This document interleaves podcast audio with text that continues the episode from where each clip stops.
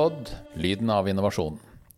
Denne podkasten er laget i samarbeid mellom Innovasjonsverket i Viken fylkeskommune og innovasjonsselskapet Inoco. Ja, velkommen tilbake. Eh, jeg heter Sjur Dagestad, og jeg sitter da sammen med min kollega Klaus her i studio.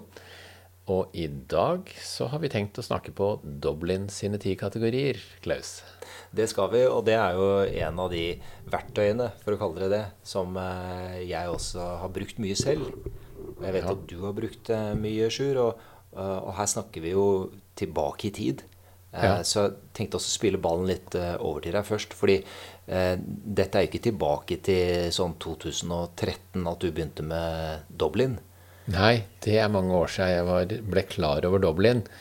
Og Eh, på den tida så var det jo ingenting beskrevet av det. Eh, det vi fant, det var eh, ja, det var sjeldne saker, for å si det sånn. det må jo ha vært ja, nå må jeg bare gjette, Klaus. 17-18 år siden, kanskje. men så fant jeg ut at det jobba en nordmann i Dublin som heter Erik Kjær.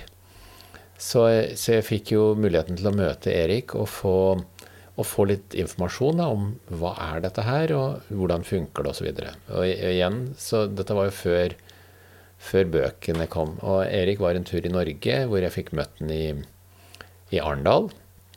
Og jeg fikk, jeg fikk en del sånn bakgrunnsinfo da, rundt modellen, og, og i tillegg, jeg kaller det gjerne sånn tillatelse til å bruke det. Og Erik skulle også ha vært med i boka 'Innovasjon i praksis' eh, i sin tid, så det var, det var planen. Eh, det, ble, det, ble, ikke sånn, men, men, planen var at han da skulle ta, ta hånd om Dublin sin undersøkelse, da, kan du si. I, ja, for vi må vel nesten si det at uh, dette er ikke forskning. Eh, og, og, Dublin uh, tar jo tak i noen sånn grunnleggende spørsmål som er interessant når vi snakker om innovasjon. Og det, det er hva, hva gjør virksomheter når de skal fornye seg? Ja, de har sett på et par tusen eh, innovasjonsprosjekter. Og så har de stilt seg spørsmålet hva har man gjort her i det prosjektet? Og hvor mye penger har man gjort her? Og, og hvor mye har det gitt i inntekt? Og det, dette er jo usedvanlig vanskelige spørsmål å svare på. Men eh, det, det er viktig å ha det klart for seg at eh, Dublin sin undersøkelse det er ikke millimeterforskning. Det er røflige estimater.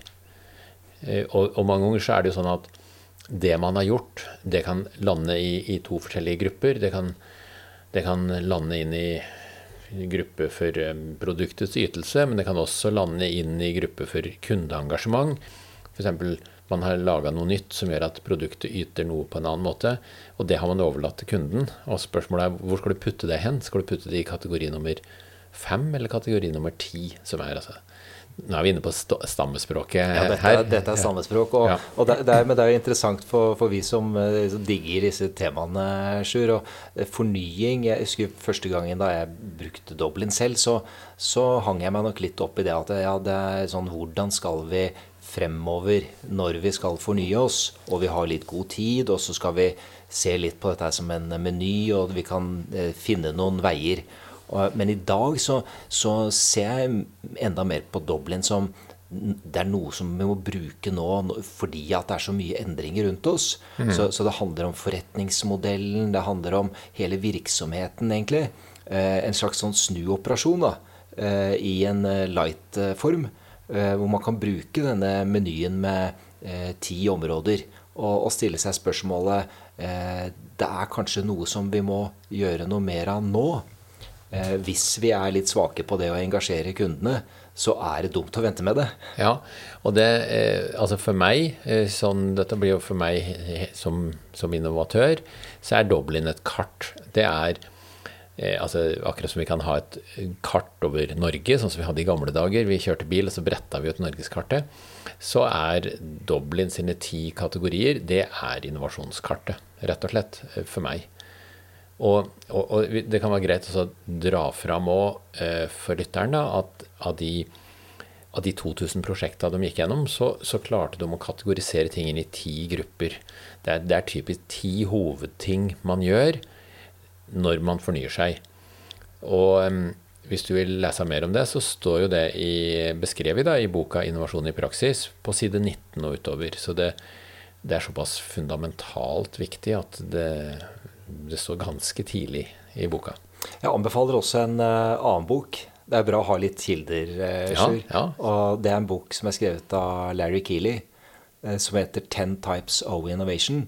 Så den er på engelsk. Den er også veldig god til å oppsummere de ti områdene. Og den har med seg eksempler. mye av det er jo amerikansk, så man får ta det for det det er.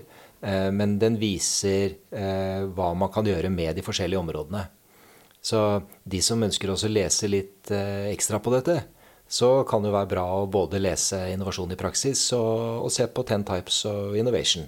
Ja, Innovasjon i praksis er jo bare en superrask innføring i det. Men Ten Types of Innovation er jo en mye grundigere reise inn i de ti kategoriene. Så, og med de ti kategoriene, når vi bruker det, Sjur, ja, vi har innovasjonsprogrammer Det er nok mange som lurer på hva er de ti? Ja, og, og så ser vi jo en sånn gjenganger. Eh, for én av områdene er jo produkt, produkt eller skråstrek produkt-tjeneste. Ja, du tenker og, på femmeren. Femmeren, ja. Og, og, dette er jo det derre fareområdet. Hvis man virkelig liksom, eh, bruker all tida si og alle pengene sine og uh, blir veldig sånn produkt uh, i huet, så ødelegger man egentlig for seg sjæl. Ja, det er jo sånn fagmannen går bananas-området, virkelig.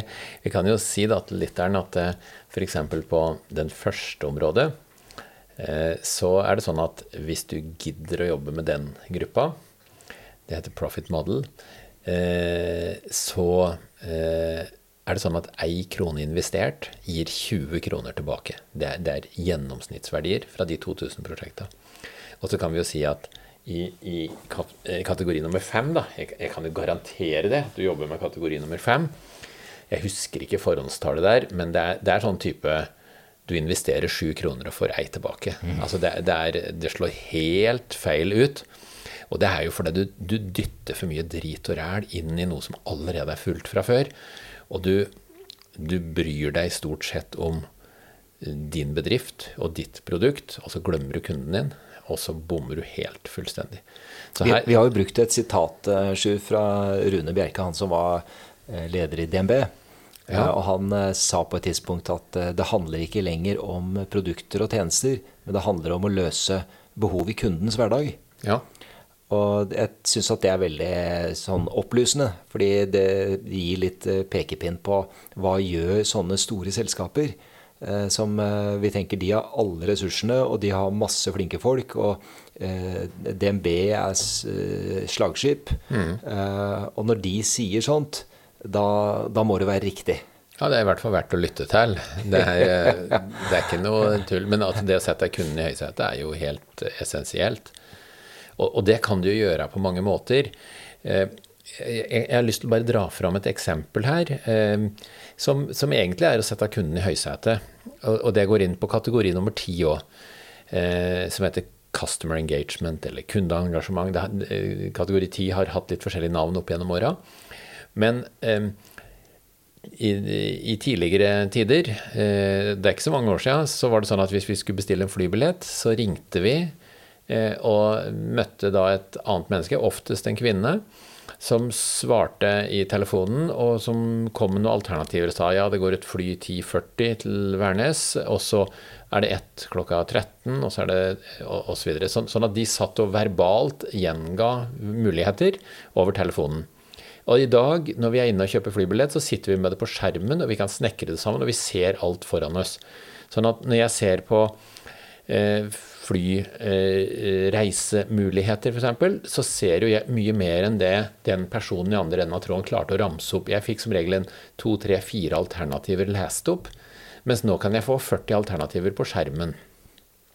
Og, eh, og det man har gjort, altså det er jo som som du, Klaus, eh, har påpekt eh, tidligere, det er jo sjølbetjening man har dratt inn her. Men eh, man har altså satt kunden i høysetet. Man har gitt meg ti ganger flere alternativer tilgjengelig. Men jeg sitter også og gjør jobben, og jeg føler at det er helt fint. Og det, det er antageligvis et uh, dilemma her ikke sant, på det som handler om service. Uh, når man uh, bruker digitalisering fullt ut, og du får denne selvbetjeningsmuligheten. Det ja. forenkler jo utrolig mye for de fleste av oss. Mm -hmm. Samtidig så er det jo mange ganger at vi savner den menneskekontakten. For vi skal klikke oss gjennom veldig mange menyer, og det tar tid. Mange ganger kan det ta litt mye, mye tid, og vi får ikke alltid de svarene vi eh, trenger. Nei, altså Vi kan være helt uh, sikre, Klaus, på at det sitter lyttere der ute som er uenig i det jeg sa nå nettopp. Altså at man bestiller billetter og føler at det er bra. Uh, så der er vi forskjellige, og, jeg vet at det er ikke bra for alle. Og mange vil jo ha den, den kontakten. Så one size fits all, den, den finnes vel knapt. Det, det, er nok riktig. Eh, det med Dublin, hvor det kommer fra, og hvem som har brukt det mest, det er vel eh, bedriftsmarkedet ja. som kjenner mest til, eh, til Dublin. Og så er jo ikke dette bare for bedrifter. Det er sånn som alle verktøy og metoder som vi bruker, Sjur, ja. så er jo det noe som er for alle. Eh, og det er til nytte for alle. Det er også til nytte for offentlige virksomheter. Og ja, de lever i akkurat den samme verden som vi gjør, sjøl om de har litt andre rammebetingelser. Men jeg, vi har jo sett når vi driver og kurser folk, og vi tar dem igjennom en del ting som tilsynelatende er bare for private virksomheter, så ender de jo opp med å si at ja, riktig, ja, men dette, dette angår jo oss, dette her òg. Ta en ting som forretningsmodell, og så er det en del som sier at nei, men vi har ikke det. Jo da, det kan forretningsmodell på akkurat lik linje med alle andre. Og når vi begynner å gå det etter i sømma, så det, bruker man bare litt andre ord på det. Men man har det eh, på akkurat samme måten. Ja, det, det, tror jeg også er riktig. Jeg var i et møte med en eh, kommune ikke så lenge siden, Sjur. Og da tok vi opp dette med det andre Dublin-området, som heter eh, samarbeidspartnere. Og, og, samarbeidspartnere er jo en av disse eh, viktige temaene da, i dag. Eh, ikke gjøre alt selv. Det kan hende at det er lurt å eh, ta med alle andre på laget. Eh, og så er det andre som kan litt mer om det du har lyst til å gjøre. Og i en kommune f.eks. så kan det være mange forskjellige samarbeidspartnere. Det ja. kan også være samskapingspartnere. Hvordan kan du involvere da innbyggerne i en tjenesteutvikling f.eks.? Eh, så får man dette med samarbeid eh, til på en, eh, på en måte som man kjenner igjen da, i det språket som man bruker selv. Og det du snakker om nå, det er jo kategori nummer to, nettverk og allianser. Og det er den nest lønnsomste kategorien. Og så er kundeengasjement også veldig lønnsomt. Så både kategori 1 og 2 og 10 er veldig lønnsomme. Men bare for å understreke hvor viktig kategori 2 er, altså nettverk og allianser, så eh, jeg, har et litt sånn dirty trick som jeg bruker eh, når jeg er på konferanser og sånn. Og hvis jeg skal snakke om Dublin, så bruker jeg å kjøpe meg med Dagens Næringsliv. Og, eh, og det har aldri slått feil. Fordi som regel halve Dagens Næringsliv det er rettssaker og bedrifter som nå er i totta på hverandre, og som har svindla eller misligholdt eller et eller annet sånt. Og vi må huske på at de bedriftene har en gang i tida gått sammen, og det har vært en hallelujastemning. Nå skal vi begynne å samarbeide med de, eller nå skal vi fusjonere med de. Og det er Dublin nummer to. Så for meg så er Dagens Næringsliv en sånn Dublin 2-avis. Bare at de har doktorgrad på å vise det når det rakner. Nettopp. Og, og, det er jo en indikasjon på at her har mye skjedd i forkant. Altså at man går sammen. Hvis vi skal spekulere litt, da, Sjur. Ja. Nå er vi jo ja, det, det, i korona... Det er bra. La oss, la oss spekulere litt. Ja, vi er jo i koronaverden fremdeles. Er vi på fake news nå, eller? vi er vel i hvert fall i koronaverden. Ja, ja. Og har vært det siden mars. Og, og så kan det finnes, finnes folk som mener koronaen er fake òg, Klaus? Ja, de vet det. det, er, eh, sånn er det, vet du. Men, Men det stemmer på Donald Trump, har jeg hørt. Ja. de gjør det antageligvis også. Men det er jo interessant å tenke da Dublin før og etter korona. Ja. Hvis vi tenker oss til at nå kommer vi ut av dette her. Ja. Og så, og så, blir det ikke helt sånn tilbake til den normalen vi kjente, men, men det er noe vi har lært ut av dette. Og så, så kan man se på disse Dublin-områdene og tenke hvilke av de områdene er det som, som det blir tatt mer tak i, f.eks. Mm. Hva er det som eh, lyser mer opp fremover? Uh, hva tenker du, Ashur? Er, er det noen av disse ti områdene som kommer til å få enda større betydning? Ja, si det, du. Vi dytter jo mer og mer over på kunden, altså sjølbetjening. Uh, vi prøver å engasjere kunden mer. Det, det er én ting jeg har lagt merke til som ikke har skjedd, og det er eh, hvis vi tar Zoom og Webex og Teams og alle disse mm. programmene Heldigvis så har de ikke gjort det folk flest gjør på kategori 5, altså dytte inn altfor mye tull inn i dette her. Så vi kunne, hvis de hadde oppført seg sånn som mange bedrifter gjør, så kunne vi hatt Teams med eh, åtte ganger flere funksjoner. Altså så sett ut som mm. Word, da, bare for å ta det. Eller PowerPoint med alle, alle valgmuligheter. Så heldigvis har de klart å holde seg eh, nede der. Eh, hva andre ting som skjer? Altså vi er jo blitt flinkere på å bruke digitale verktøy. Vi, vi, mestrer det på en helt annen måte nå. Så det kan nok hende at på Jeg tenker på kategori nummer ti, eh, kundeengasjement. Mm. Ja, det, det, tror jeg også. Sjur, at eh, for, for, min del så ser jeg at eh, de appene som eh, jeg bruker, ja. at jeg stiller mer krav til eh, effektiviteten i det. Ja. At det er eh, enkelt å bruke, at eh, jeg kommer raskt liksom, til dit jeg vil. Og at mye av digitaliseringen det handler, For meg så handler det veldig mye om forenklinger. Ja. Ja, og, og, kravet til forenkling, og at det egentlig bare øker og øker. Mm, mm. Og vi ser jo det at når du får det på mobilen, så får du en enkel versjon, og så har du muligheten til å få noen flere funksjoner når du går på PC-en. Og så må du da ringe til en kundebehandler eller maile eller noe sånt for å få neste nivå. Mm. Det er spennende. Jeg tenkte nå er vi jo i eh, snart, Det er snart jul, eh, Sjur. Ja, og, heldigvis. Og vi kunne jo runda runde med altså, hva, hva, slags film eller serie er det du har som som julefavoritt? altså, jeg hadde tenkt jeg skulle se på Star Wars i jula. For Star Wars, ja. jeg henger litt etter der, for å si det rett ut. Men har du noe eh, Du tenker ja. på en juleserie, du? Ja, altså jeg, jeg, har noen eh, Jeg ser på hvert eneste år, og det er Hjemme alene. Ja, de, ja. De, de, det syns jeg, veld, ja. jeg er veld, veldig moro. Så det er en klar vinner. Ja, Hjemme alene. Men der finnes det flere Hjemme alene 1 og 2 og 3? Og sånn? absolutt, så den kan du se flere dager i løpet av jula. Ja. De kommer jo igjen hvert år, vet du. Ja. Og så har vi jo Tim Burtons, da. 'Nightmare Before Christmas'. Den er, eh, den er, en eh, klassiker for min eldste sønn. Men Tim Burton er jo en fantastisk regissør. Ja, nei, men eh, skal vi, skal vi slippe lytteren fri, Klaus? Og Det gjør vi. Ønsker alle god jul og godt nyttår. Ja. Takk. I like måte. Eller god jul og godt nyttår. Og så høres vi snart igjen. Ok, ha det godt. Takk for at du lytta til oss.